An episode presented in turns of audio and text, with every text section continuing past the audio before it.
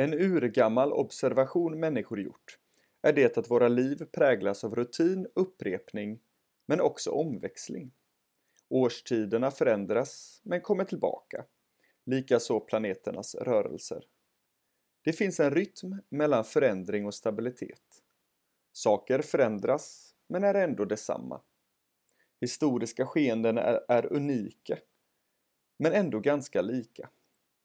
2000-talsmänniskan är vitt skild från medeltidsmänniskan, men det som är likt är ändå mer än det som är olikt. Varje mänskligt liv präglas också av denna rytm.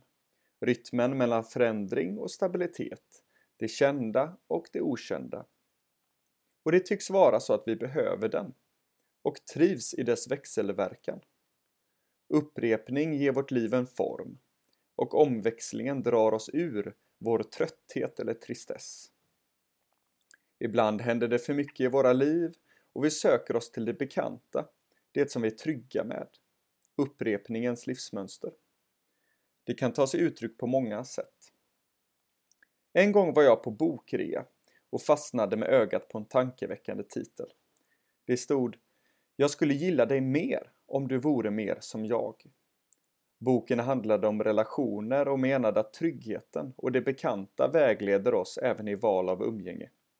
Vi gillar att umgås med lika och söker oss till personer eller sociala sammanhang där vi har referenser, beteenden och intressen gemensamt. Lika söker lika.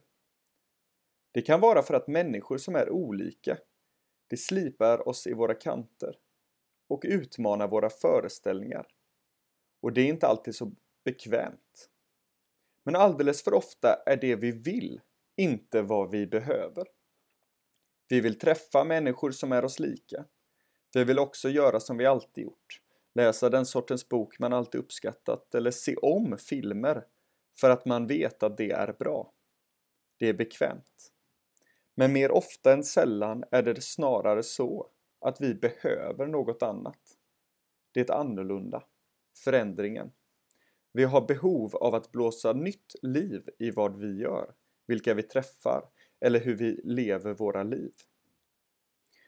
Idag när jag gick ifrån det gemensamma korridorköket efter att ha ätit min lunch slogs jag av tanken att det är en väldigt intressant grej ändå. Detta att dela kök med andra. Minst tre gånger om dagen har jag ärende att besöka köket, äta frukost, lunch och middag. En rutin i mitt liv. Innan jag går till köket för att äta vet jag inte vilka som just idag, vid denna tidpunkt, är i köket. Det kan vara tomt eller fullt. Men denna ovisshet gör mig inte orolig utan fyller mig istället med en positivt laddad förväntan varje gång jag går genom korridoren gåendes mot köksdörren. Det egna rummet har jag kontroll över. Det kan jag utforma som jag vill. Om jag lämnar det och kommer tillbaka så ser det ut som det gjorde när jag lämnade. Men det gemensamma korridorköket kan bjuda på överraskningar. Det står utanför min kontroll. Människor som inte passar in i den mall jag hade skapat om jag själv fått konstruera min egen omgivning finns där. Jag måste förhålla mig till dem. Det får mig återigen att tänka på rytmen mellan förändring och stabilitet. Jag tror vi människor behöver en dos spänning varje dag. Vi behöver utsätta oss för människor, rum eller situationer som har potential att bryta livets upprepning. Som kan ge oss nya erfarenheter och insikter. Korridorköket ger mig detta, ibland oönskat. Det kan vara i det lilla, att jag där träffar andra kompisar än vilka jag åt lunch med igår. Det kan vara att jag ser att den stora kastrullen jag tänkte använda är upptagen, vilket tvingar mig att bryta min planering och anpassa mig. Nej, jag kan inte koka soppa idag. Det får bli pyttipanna. Korridorköket tving tvingar mig också att möta olika, annorlunda. Och jag har lärt mig att göra det med en förväntan. Vi människor behöver upprepning och rutin, men samtidigt omväxling och avbrott. Ett, ett korridorkök är ett perfekt exempel och samtidigt en påminnelse om människans behov av upprepning och omväxling och ett liv i förväntan. Upprepning, omväxling, stabilitet och förändring.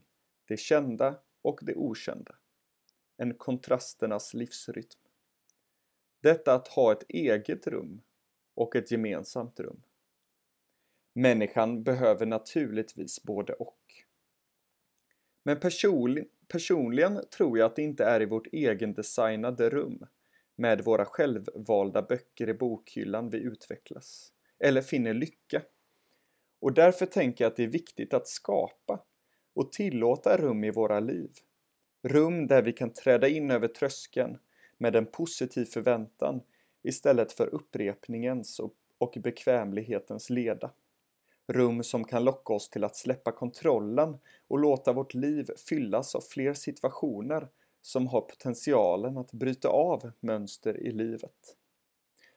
För att varje dag få möta den skillnad som består i upplevelsen att öppna dörren till det egna korridorsrummet jämfört med dörren till det gemensamma köket där möjligheterna inte redan är på förhand bestämda där allting ännu kan hända. Äh, det var bara en tanke.